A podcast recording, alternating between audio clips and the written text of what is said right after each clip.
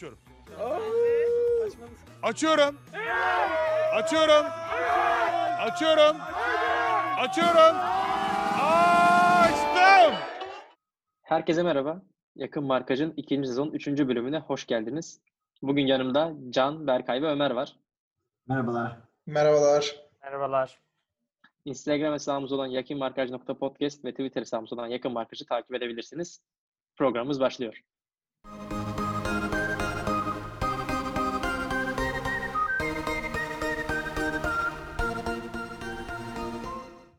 Geçen bölümde teknik direktör adaylarımızdan biraz bahsetmiştik. Ee, orada Ömer SporX'in bir geçtiği son dakika haberinden bahsetmişti. Bielitsa'nın ağzından yapılmıştı açıklama. Aslında hiç ben Fenerbahçe'de görüşmedim, evimdeyim gibi. Sonra bu haber yalan çıktı. E, halbuki Bielitsa ile görüşülmüş. Hatta e, potansiyel teknik direktör olarak bayağı da kuvvetli görünüyor.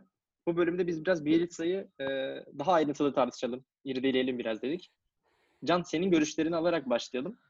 Sence Bielitsa gelmeli mi? Abi önce SporX haberiyle başlıyorum. Yani yayına başlamadan bir yarım saat evvel SporX böyle bir haber geçti. Yayından çıktık. Bir iki saat sonra Yağız abi tam tersini söyledi. Buradan da Yağız abi selamlar olsun. Bugün yayınınıza bekliyoruz inşallah. Aleykümselam diyor şu an. Tabii kardeşim gel kafede yapalım. Abi adam gelecek yayına. Ben hala inanıyorum. Ee, neyse e, sonra zaten yani SporX'i bence e, Türkiye'de takip eden 2-3 kişi var. Ben birini tanıyorum. Hamza Murat Yılmaz. Ona da selam olsun buradan. E, o yüzden çok da haberlerine güven, e, itimat duyulmaması gerektiğini düşünüyorum. Şimdi Bielitsa'ya gelirsek, e, Bielitsa konusu şöyle. Ben geçen yayında e, Türk teknik direktöre gidilmesi gerektiğini e, söylemiştim. Fakat daha sonrasında çok fazla güçlü Türk teknik direktör de yok. Bielitsa üzerine de biraz araştırma yaptım. Biraz fikrim değişti açıkçası Bielitsa bakımından. Yani Bielitsa kariyerinde farklı ülkelerde e, şey yapmış, e, teknik direktörlük yapmış. Ama en başarılı sezonunu, belki de tek başarılı sezonunu e, Hırvatistan Ligi'nde Zagreb'de geçirmiş. Zagreb'de çok iyi bir e, puan ortalaması var. 36 maçta 92 puan almış 2018-2019 sezonda. Sadece 20 gol yemiş. Bu sezonda 26 maçta sadece 11 gol yemiş. Yani gerçekten e, takımdaki yapıyı iyi kurabildiğini görebiliriz buradan.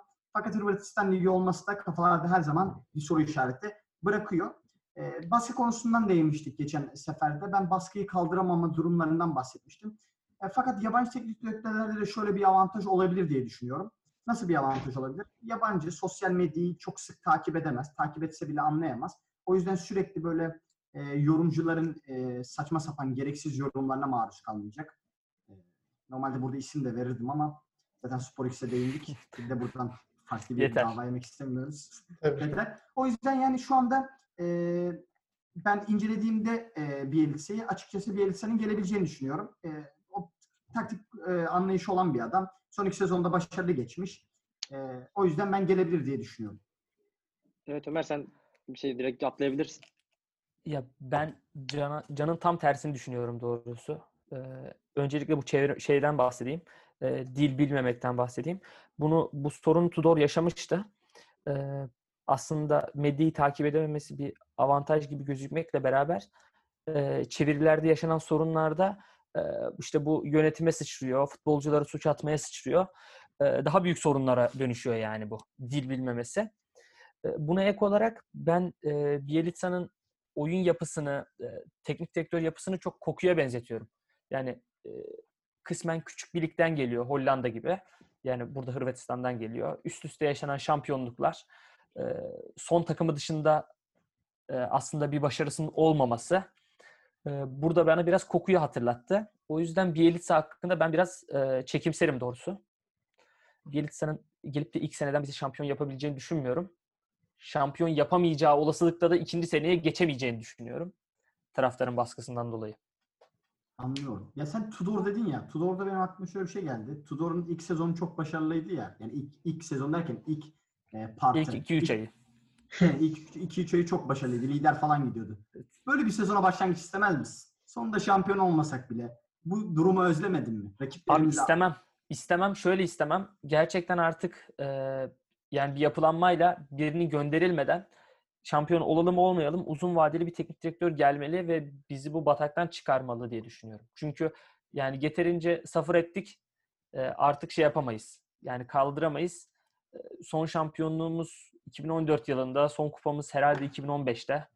Ee, yani taraftarın kaldıracak e, gücü kalmadı. Taraftarın sabrının kalmaması aslında üst üste gelen başarısızlıklar aslında şunla sonuçlanmalı bence. Ya biz tamam o kadar da başarılı değiliz artık. Yorumlanması gerekirken daha da taraftar hırslandı, daha da sabırsızlandı. Aynı zamanda zaten Şampiyonlar Ligi'ne gidememekten dolayı makas gittikçe açılıyor e, finansal olarak. Bunun da yükü kaldırılmıyor. O yüzden ben olabildiğince hızlı başarının geleceği, yeniden bir yapılanma, teknik direktör uzun süreli kalacağı daha doğrusu bir yapılanma düşünüyorum. Ben burada şey söyleyeceğim. Ee, yani olabildiğince hızlı başarı derken ilk sene başarı beklememeyi de e, göz yani göz önüne almamız lazım. Kesinlikle. Aslında birinin gelip bizi şampiyon yapmasını beklemeyelim diyoruz. Sen de öyle diyorsun. e, benim anladığım kadarıyla. Bu Koku Bielitsa benzetmesi yapmıştın da mesela ben Bielitsa ile ilgili şöyle şeyler duymuştum. Bielitsa e, Şampiyonlar Ligi'nde büyük takımlara karşı da iyi performanslar gösterdi.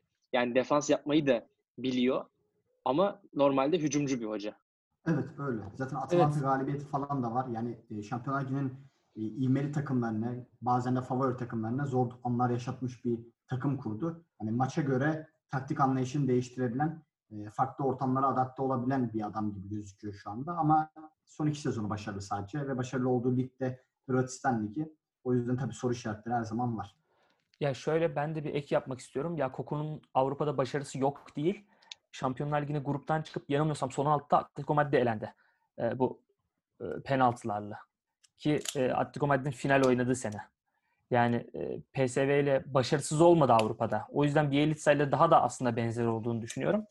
E, fakat yani Bielitsa ile alakalı olursa, gelecek olursa e, avantajı şu olur diye düşünüyorum. Genel itibariyle artık bir e, gelecek vadeden oyuncu bulmak, wonderkid bulmak çok mümkün değil. Yani e, zaten Güney Amerika'da iki tane beşlik atan, bir tane gol atan oyuncuya 17 yaşında çocuğa Real Madrid 35 milyon euro veriyor direkt. Yani hiç sekmiyor. Yani e, Güney Amerika'dan oyuncu alman mümkün değil. O Alex'i falan getirdiğin zamanlardaki gibi değil şu an piyasa. Aynı şekilde e, Belçika'dan, Hollanda'dan, o Avrupa, İspanya kısmından diyelim almak çok mümkün değil. O yüzden bu Doğu Avrupa daha cazip olmaya başladı. Özellikle bu Hırvatistan'da da son senede hem milli takımda gelen başarılar hem de yükselen yıldızları diyelim. Bu Dani Olmo'yu mesela çıkarttı son Dinamo Zagreb'den. E, öyle oyuncuları getirme ihtimali ben en önemli artısı diye düşünüyorum Bielitsa adına. Anladım. Ya benim şöyle Bielitsa Koku meselesinde şunu demek istemiştim. Yani Koku defansif anlamda ne kadar başarılı bilmiyoruz ama Koku'yu genelde 4-3 oynatan ve çok hücumcu bir oyun hoca olarak e, tanımıştık. Öyle öyle bahsedilerek gelmişti ya. Ondan dolayı dedim yani Bielitsa ile böyle e, taktik olarak farkları var gibi görünüyor anlamında söyledim onu. Anladım. Ben de şunu merak ediyorum. E, Berkay'a paslayacağım buradan da topu. E, şimdi mesela biz diyoruz ya bir yıllık e, bir yılda hemen başarı beklenmemesi lazım. Mesela Berkay sen sence Koku'ya biraz daha sabretseydik Koku ikinci sezonda başarılı olabilir miydi? Ve bu soruyla paralel olarak Ömer diyor ya Koku ile Bielitsa arasında benzerlikler var. Bence de benzerlikler var. E, böyle bir durumu düşünüyorsak Bielitsa'yı şu andan transfer edip bir sene Bielitsa'ya sabretmek, onu biraz daha rahatlatmak mantıklı olabilir mi? E, bence Koku'ya sabredilmesi gerekiyordu ama Koku'daki sabrı yok eden şeylerden birisi de bence e, oyuncu tercihleriydi. Yani oyuncu tercihleri çok hatalıydı. Performansı düşük olan oyuncuyu çıkarmıyordu. Yani Ayev mesela çıkarmıyordu performansı düşmesine rağmen. Hani e, bu tarz hataları vardı. Mesela Barış Alıcı e, tüm taraftarın gönlünü kazanmıştı. Oyuncu oyuncu gitmeyeceğim elbet ama e, onu kesti bir anda. Yani bu tarz şeyler şey oldu. Hani takım kanat olarak gitmiyor. Kanat olarak zaten eksikliğimiz vardı. Şu anda da var. Kanat olarak gitmiyor. Barış'ı niye kesti sorusu geliyordu akla. O yüzden oyuncu tercihlerinden dolayı o da kendi kredisini çok düşürdü. E bir de işte Hollanda liginden gelenlerin yani bu Hollanda e, şeyinde e, bu baskı yok. E, Bielitsa için de işte bu baskıyı yaşıyorlar ama yani e, gerçekten bizim ülkemiz o konuda biraz daha farklı. Hani olay baskı ateş değil bence. Taraftarın ateşli olması değil. Hani Olympiakos ateşli, işte Yunanistan ateşli, orası. Ya her yer ateşli ama buradaki çok farklı bir baskı var. Bu baskıyı kaldırmak çok önemli. Yani o yüzden ben de çok kararsızım. Kendimle bile çeliştiğim zamanlar oluyor. Bir yıllık bir adam mı getirmek lazım? Şimdi Erol Bulat'a bakıyorum. Onu da harcayacağız. Kumar oynamak mı lazım? Yani ben de çok kara çok kararsızım. Çok arada kalıyorum. Yani şu durumda ne kurtarır ben de hiçbir şey bilmiyorum ama Bielitsa için yine bir iki aylık süreç olur ve gider. k- kaderinde bu olur yani. Çünkü biraz Vitor Pereira'yı da andırıyor benim açımdan. Siz benzetiyor musunuz bilmiyorum. Yani bu evet hırs bazen vurdum duymazlığa bir anda dönebiliyor. Hani sevgi nasıl bir anda nefrete dönebiliyorsa bu da aynı şekilde bir anda e, vurdum duymaz duymazlığa dönebiliyor. Tehlikeli. Oyuncu kaprislerini kaldırabilecek mi? Sonuçta e, Kruse'ler var. İster Evet. istemez. Yani bunla- bunları yapabilecek mi? Bunların hepsi yani sadece taktiklik olmuyor. Yönetim falan da çok ayrı şeyler. Ya şöyle ben e, bu e, takım yönetimine katılıyorum. E, Dinamo Zagreb'de genel itibariyle yönettiği oyuncuların yani takım bütçesi genel itibariyle küçük. Yıldızları yönetmiyor. Ondan dolayı şu an Fenerbahçe'ye geldiğinde hem daha büyük bir taraftar baskısı hem yönetilmesi zor egolar olacak. E, bununla nasıl başa çıkabilir? E, ben çok emin değilim. Yani Hırvatistan Ligi'nde e, konuşmuştuk zaten önceden. Son 13-14 yılda zaten bir tane Dinamo Zagreb'de şampiyonluk var. Yani kim gelirse gelsin zaten şampiyon yapıyor. Yani bu bir kıstas değil. Ve e, burada yani Şampiyonlar Ligi'nde gruptan çıkmak falan zaten beklenmiyor Dinamo Zagreb adına ama e, yani kendini gösterebileceği bir yer yok. Alttaki sınır çok aşağıda, üstteki sınır çok yukarıda. O yüzden e, Bielitsa bence çok büyük bir soru işareti olarak gözüküyor. Buna ek olarak ben yeni bir konuya da geçmek açısından e, Emre ile beraber olacağını e, duyuyoruz. Rıdvan Dilmen de şey demiş galiba. İşte Bielitsa ile alakalı soru işaretleri var. Emre olursa çok iyi olur. İkisi beraber işte harika falan. Ben tam tersini düşünüyorum. Yani e, Emre'nin yönetimde kalmasının özellikle teknik direktörün üstünde olmasının büyük sorun yaratacağını düşünüyorum. Çünkü zaten e, çok anlaşı, anlaşılabilir bile değil Emre. Yani saha içinde oyuncularla tartışıyor, hakemle tartışıyor. Senenin içinde teknik direktör Ersun Yanal'la tartıştı. Kendi O yüzden bir tarzı gel- var çünkü. Evet tarzı var, saygı duyuyorum. Ee, fakat yani bir teknik direktörün üzerine konulacak biri mi emin değilim. Siz ne düşünüyorsunuz Emre hakkında? Sportif direktör olabilir mi sizce? Olmalı mı? Abi Emre konusunda ben şöyle e, düşünüyorum. Yani Emre e, şeye biraz hazırlanıyor gibiydi. Yani Başakşehir'deki Emre'nin rolü, performansı da böyle oyunculara biraz mentorluk yapar bir kıvamdaydı. Ama sportif direktör olarak, yani sportif direktör deyince ben biraz hemen Komolli ile kıyaslayayım dedim. Sportif direktör olarak o network'ü kurma veya o network üzerine ne kadar başarılı hareket edeceği veya yani teknik direktörle bu e, ego çatışması kesinlikle e, kafada soru işaretleri ve ego çatışması olacağını ben kesinlikle inanıyorum. Yani e, ya böyle çok şey biri gelecek. Aslında Emre takımı yönetecek gibi olacak da diğeri yani tek direktör olarak gördüğümüz kişi böyle piyon gibi falan olacak. Ya da her türlü bir ego çatışması olur diye düşünüyorum. Yani onun için Emre'nin şu an direkt bir sportif direktör olarak başlaması bana biraz fazla gibi geliyor. Yani sanki biraz daha altta başlayıp yani teknik, bir teknik direktörün altında olup yani keşke Galatasaray'daki gibi bir modelimiz olsa da e, Fatih Terim nasıl Ümit Davalı'yı, Hasan Şaş'ı biraz nasıl diyeyim eğitti yani. Yıllardır yanında antrenör olarak tutarak eğitti. Onun, bize öyle bir şey lazım. Orada yine teknik direktöre geliyoruz. Biz çok başarılı veya çok e, ağırlı olan teknik direktörlerden birini alabiliriz gibi de görünmüyor. Fenerbahçe'nin öyle figürü de yok. Malum. Ee, onun için ben Emre'nin şu an yani sportif direktörlüğünden ziyade antrenör olarak bir teknik direktör altında kalması gerektiğini düşünüyorum. Çünkü sportif direktör olursa e, fazla eko çalışması olur. Kulüp yine bölünür. Yine böyle tartışmalar olur. Yani kulüp içinde olur. Belki bize yansımaz ama.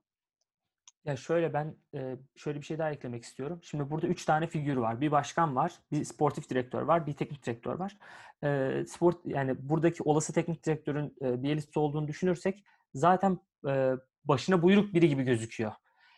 Hem genç olmasından dolayı hem çok fazla takım değiştirmesinden dolayı bir de şu an galiba başkanla yaşanan bir kriz sonucunda e, takımı bırakmış. Koronadan dolayı maaş indirimi yapmamış. Böyle bir şeyler duydum. Çok e, kulüp sadakati olan biri gibi gelmedi bana Bielitsa adına. Emre zaten dediğim gibi yönetilmesi zor biri. Yani anlaşılması zor biri diyeyim. Ali Koç da aslında e, tam bu, bunun için gelmişti. Yani buradaki e, aracılığı sağlamak, daha kurumsallaştırmak e, için gelmişti. Fakat mesela bu Simon Fallet transferinde aslında gitgide bir e, canavara dönüştüğünü gördük. Yani Komolye sormuyor, Ersun Yanal'ı sormuyor. Kendisi gidiyor stoper alıyor. Yani e, sen kendin stoper alacak futbol bilgisine sahip değilsin ama. Bunu biliyorsun. Zaten biz seni bu yüzden seçtik. Biz seni bu yüzden istedik. Ee, sen zaten bu e, futbolu bilenlerin futbolu yönetmesi, onlara yeterince yetkinin verilmesi, delegasyonun yapılması için gelmiştin. Ve burada böyle bir hamlede bulunması aslında Ali Koç'tan da korkulması gerektiğini gösteriyor bence. O yüzden yani e, üçgenin üç ucu da, üç kenarı da, üç köşesi de neyse e, hepsinde sorun görüyorum. O yüzden e, Emre'nin kesinlikle gelmemesini sportif direktör olarak, direktör olarak öneriyorum. Zamanı Ya değil. biz- Daha zamanı değil ya. Onun için. Çünkü bir şeyi de var Emre'de bence. Sportif direktörlüğü yapacak bence e, kalite de var. Donanım da var. Tabii ki de şey teknik direktörlük kadar hani taktik, teknik bilgi yani bilmiyorum açıkçası ama ya oraya da bence asıl heves ettiği de orası bence. Yani Ozan'la birebir ilgilenmesi, onun dışındakilerle ilgilenmesi.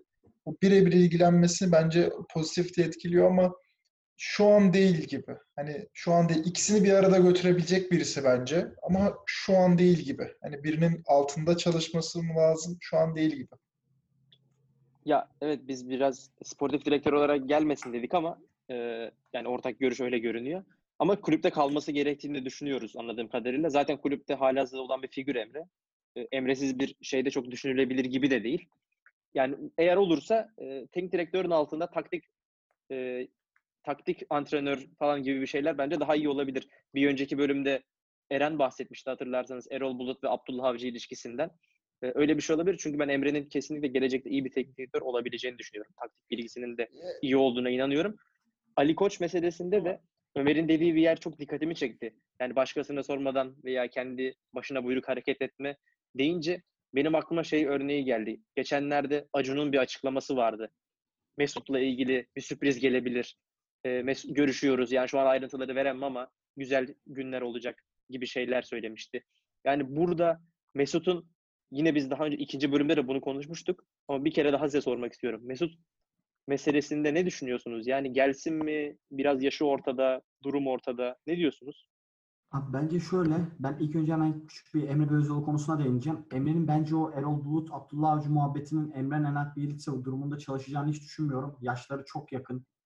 Ee, hani Nenat Bielitsa Emre üzerinde otorite kurabilir mi? Çok zannetmiyorum. Yani dışarıdan gelen bir teknik direktör. Emre bu kulüpte e, bayağı bir isim yapmış. Bu kulüpte uzun yıllardır kalan bir adam. Yaşlar arasındaki fark 7-8 yaş. Yani o işin çok e, çalışacağını düşünmüyorum açıkçası ben. Mesut konusunda da şöyle, Mesut şu an 32 yaşında. Seneye kontratı bitiyor. 2021 yılında boşa çıkıyor.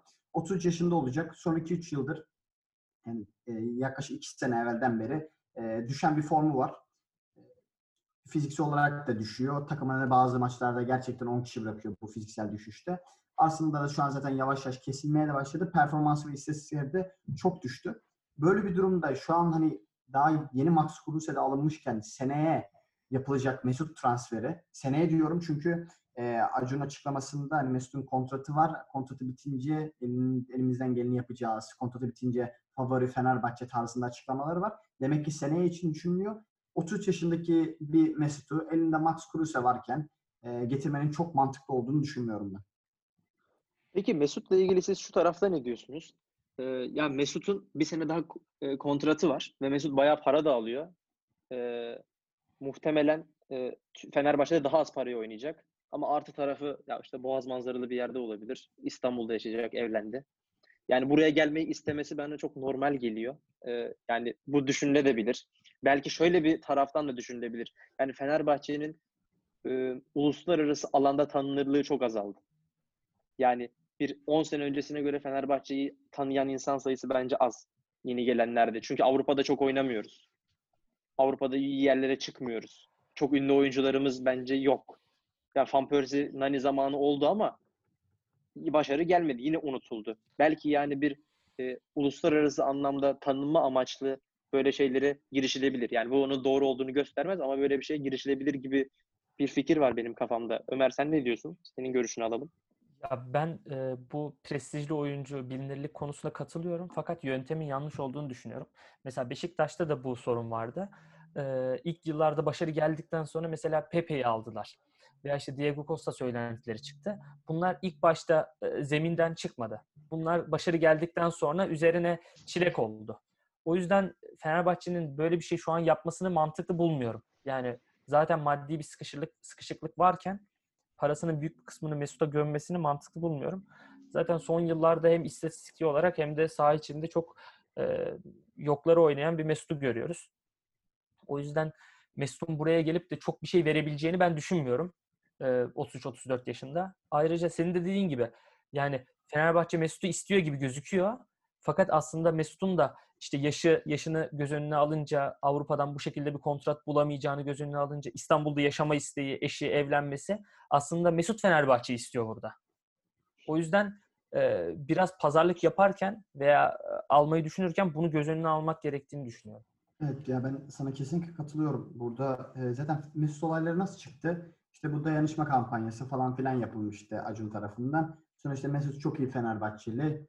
İşte Fenerbahçe'yi destekliyor. Mesut'la ilgili Schalke'deyken antrenmana Fenerbahçe formasıyla gittim, atıldım falan filan. Sürekli aynı muhabbetler dönüyor. Fakat e, Mesut yani e, bir yıllık kontratı var. Bundan bile vazgeçmiyor. Bir yıllık kontratından bile vazgeçip gelmiyor. Ee, onun yerine e, bir yıl sonra kontratı bittiğinde 33 yaşında Avrupa'dan e, Arsenal'ın aldığı kontratın yanına bile yaklaşamayacak bir kontrat alamayacağını biliyor. Muhtemelen en yüksek parayı da biz vereceğiz. Onun yanında boğaz manzaralı ev, işte e, bir sürü sağlanacak ekstra şeyler. E, bir de İstanbul'da yaşayacaksın. E, zaten çocuk mocuk yapma planları. Yani çok güzel bir tatil transferi bence. O yüzden böyle durumlarda Fenerbahçelik kavramının böyle yapmacık şeylerde kullanılma- kullanılmasından ben aşırı derecede rahatsız oluyorum. Mesut Fenerbahçeli olabilir ama ben buraya Fenerbahçeli olduğum için geliyorum ve muhabbeti dönmemeli bence kesinlikle. Çünkü Fenerbahçeli olduğunu ve Fenerbahçeli olduğu için buraya geri döneceğini düşünen adam der ki ben bir hafta tamam abi ben daha yaşlı gelmeyeyim. Bir yıllık kontratımdan da vazgeçebiliyorum. Yani bir yerden bir fedakarlık yaptığını görelim ki biz. O zaman "Aa, harbiden Mesut Fenerbahçeliymiş diye. Böyle fedakarlık yapmadıktan sonra sözde Fenerbahçeliğin burada malzeme olarak kullanılmasına gerek yok bence. Doğru, doğru diyorsun. Ee, Feda feda meselesi fedakarlık olacak yani bir yerlerde. Bu Ömer'in aslında ta ilk zaman bahsettiği bu e, eşitsizlik şeyi vardı ya. Real Madrid gidiyor, onu alıyor, bunu alıyor. Ya bu konu çok uzun bir konu. E, ona tabii dikkat etmek lazım. Yani o e, bayağı büyük bir değişim oldu yani futbolda dönüşüm oldu. E, böyle transferleri konusu hep tartışmalı olacak yani. Eskisi gibi olmayacak. Eskiden konuştuğumuz gibi. Berkay senin bu de konuda şöyle bir durum var. pardon. Berkay'a paslamadan hemen bir şey ekleyeyim. Bir de şöyle bir durum var. Şimdi mesela biz zor zamanlardan geçiyoruz değil mi? İşte SMS'ler attık, şudur budur falan. Her şeyi yapıyoruz. İşte Ali Koç cebinden para veriyor. Abi Ali Koç bu parayı veriyor da Mesut Boğaz'da otursun diye mi veriyor? Ya da Mesut burada 33 yaşında alabileceği en iyi kontratı alsın diye mi veriyor? Biraz bunları da düşünmek lazım. Yani Mesut gelip burada takımı tek başına şampiyon mu yapacak? Yapamayacak. Bu çok bariz yani. İyi bir kurguda Mesut çok iyi iş yapar. Bu Mesut'un kötü oyuncu olduğunu göstermiyor ama şu an bize Mesut'un verebilecekleri sınırlı. Yaşından, son yıllardaki performansından ve eee, oyun tarzından dolayı. Yani Mesut iyi sezonunda 15-20 asist yapar. Ama 15-20 asist tam olarak yeter mi şampiyonluğa? O bile kesin değil bence. O yüzden böyle bir durumda bu kadar e- emek verilen, bu kadar insanların fedakarlık yaptığı durumlarda paralar eee, böyle Harvard yani böyle savrulmamalı bu paralar. Abi şöyle üst profilden oyuncular aldığında kulüpler eskiye baktığımızda iş iş yapmış, şampiyonluk getirmişler ama hani karakterli olanlar için işte mesela bizim için kayıt diyebiliriz. Geldiği sene şampiyonluk. Mesela Drogba diyebiliriz. Şampiyonluk. Mesela hani bunun gibi isimler sayılabilir bence ama burada biraz karakter önemli. Mesut'un gelme sebebi Can'ın dediği konular mı? Gelsin, yalısında kalsın, çocuğunu büyütsün. Bu mu? Ya burada fedakarlık önemli. Fedakarlık demişken de benim aklıma bu Adana e, Demirspor'un başkanı vardı. Bekir Çınar. Hatırlıyor musunuz bilmiyorum. E, borçların hepsini üstlenip e, intihar ediyordu abi. Ben duyduğumda çok şey olmuştum. Öyle etkilenmiştim. Yani fedakarlık budur. Tabii ki de bunu yapsın demiyoruz ama fedakarlık budur. İntihar, intihar etmesin. Öyle bir şeye gerek yok. Ama fedakarlık budur. Ya Mesut konusunda ben bir de şuraya değinmek istiyorum. Oyuncu transferi konusunu böyle tartışıyoruz. Yani bayağı bir şey konuştuk böyle biraz saçma da gelebilir ama böyle konuşuyoruz. Teknik direktör belli değil. Bu takım nasıl bir sistemle oynayacak? Nasıl bir şey oynamak istiyor? Takımda bir sürü orta saha var. Zaten halihazırda sözleşmesi bitenler var, yenilenmeyenler var. Nasıl bir e, kadro yapılanması öngörülüyor? bu yokken böyle transfer spekülasyonu yapmak bana çok şey geliyor. Yani so what ya yapıyoruz ama e yani işte öyle kendi kendimizi eğlendiriyoruz gibi geliyor. Evet, ben buna kesinlikle katılıyorum. Ya zaten şu anki şu anki durumda teknik direktör belli değil. e, oyuncular belli değil. Sportif direktör belli değil. Bu sene gelmesi ihtimali olan değil. Öbür sene gelmesi ihtimali olan birini konuşuyoruz. O kadar gündemsiz. doğru. Doğru tabii öyle bir öyle bir tarafı da var bu işin. Ya şimdi bir şey gördüm. Ee, bu konuyu yani Fenerbahçe'den biraz uzaklaştırabilir. Genel olarak futbola çekiyorum. Bundesliga'da e, işte koronavirüs testi yapmışlar oyunculara. Bundesliga yeniden maçların başlamasını e, öngörülen bir yerde. 10 tane oyuncuda sanırım şey çıkmış virüs. Onun için yeniden ertelenmiş. Yani bu da e, ilk bölümde biraz konuşmuştuk futbol ne zaman başlar diye. E, oraya küçük bir not olabilir. Daha sürecek yani. Daha başlamıyor gibi görünüyor. Ha, İspanya'da devam ettirecek şeyi, e, La Liga'yı. Devam mı edecek? Evet İspanya'da. evet. Haziran planını açıkladılar. Ha, Haziran ayı olabilir. Tamam. Haziran olabilir. Daha Mayıs'ın başındayız. Ya ama Haziran, Mayıs çok bir fark yok bence ya o kadar da. Ya bence Abi burada bir ay- değerlendirmesi gereken şu. Şimdi diyelim e, Haziran'da oynanmaya başladılar. Büyük ihtimalle sürekli oyuncuları, futbolcuları ve o oradaki görevli kişileri kontrollerden geçirecekler. Ya Diyelim aralarından birinde çıktı virüs. Oynamaya devam edilecek mi yoksa kesilecek mi? Tekrar bir ara mı verilecek? Eğer tekrar ara verilecekse bence hiç başlamaması gerekiyor. Çünkü buradaki ihtimal düşük değil yani. Sonuçta seyirci de gelmese totalde orada oyuncularla birlikte en az 1000-1500 kişi olacak o, o sahada. E, birine geçse o zaman bir evvelki maçta karşılaşılan takımla bu oyuncu temasa girmiş olabilir. Yani bu o ağaç çok geniş. E, Bundan ötürü eğer şey güveniyorlarsa hani diyorlarsa ki biz başlatacağız. 3-5 vaka görsek bile devam edeceğiz. O zaman açılmalı. Ama eğer bir vaka görüldüğü anda Almanya'da olan gibi 10 kişi görmüşler. O zaman başlatmıyoruz denilirse bence hiç başlatılmamalı. Çünkü %99.9 benim görüşüme göre o oynayan oyunculardan veya o an sahada bulunan görevlilerden en az biri bu virüsü taşıyor olacak. Bunda kesinlikle değerlendirilmesi gerektiğini düşünüyorum. Yani uzun süre böyle futbolsuz devam edeceğiz diyorsun öyle mi? Ya, Ben- ben o- bunu onun anladım. kararını ben vermiyorum ama kararını verecek kişilerin bence bunun değerlendirmesi gerektiğini düşünüyorum. Bizde de büyük ihtimal Haziran ortasında veya Haziran'ın başında lig başlayacak. Hani şimdi Fatih Terim'de bir virüs çıktı. Ortalık e, ayağa kalktı değil mi? Kalkması da gerekiyor. Çünkü adam bu kadar açıklama yaptı. Onun üstüne bir de adama denk gelince e, bayağı sıkıntılı bir durum ortaya çıktı. E şimdiki durumda herhangi bir teknik direktörü tekrar çıktığında veya herhangi bir sağlık çalışanı yedek oyuncu da as oyuncu da çıktığında bir sürü kişiyi de riske atmış olacak. E o zaman ne olacak? Hani bu kadar biz bak mesela ben şu an karantina altındayım değil mi? 15 gün boyunca e, bir yerde durmak zorundayım. Eğer birine virüs bulaşsa o zaman onun çevresinde olan 14 gün boyunca onun etrafında olan herkesin karantina altına alınması lazım ki virüs daha da yayılmasın. E bu da zaten mantıklı bir olay değil. Yani bu e, bu olursa e, ligler duracak demektir. E bunların değerlendirilmesi gerektiğini düşünüyorum. Formül de bende yok açıkçası. Bunun çözümü de bende yok. Çözüm sanki kimsede yok gibi görünüyor ama e, E, insan hayatı olunca işte teraziye insan hayatını koyamıyorsun. İnsan hayatını Canın- koyduğu zaman karşıya ne can- koysan koy insan hayatı ağır basıyor. Can niye bu kadar konuştu falan filan diyordum ben bu konuyla alakalı. En son o işte ben de karantinadayım falan e, şeyiyle nüktesiyle anlamış olduk. Can karantinada arkadaşlar. Tekrardan Can karantinada. hala Çok çıkmadı. Herkes zorluk çekiyor, çok zorluk çekiyor. Can karantinada. E, Ha bu arada bir önceki bölümde bir ezel introsu yapmıştık. Onunla ilgili de e, yorumlarınızı bekleriz. Dinleyicilere söylüyorum. Size değil Canım ve Berkay. E, bugün Bielitsa gelsin mi? Bielitsa nasıl bir e, oyun anlayışı var? Onu konuştuk biraz. Emre'nin sportif direktör olması gerekiyor mu? Olsun mu? konuştuk. Mesut Özil gelsin mi diye bir daha konuştuk 10 ay sonra.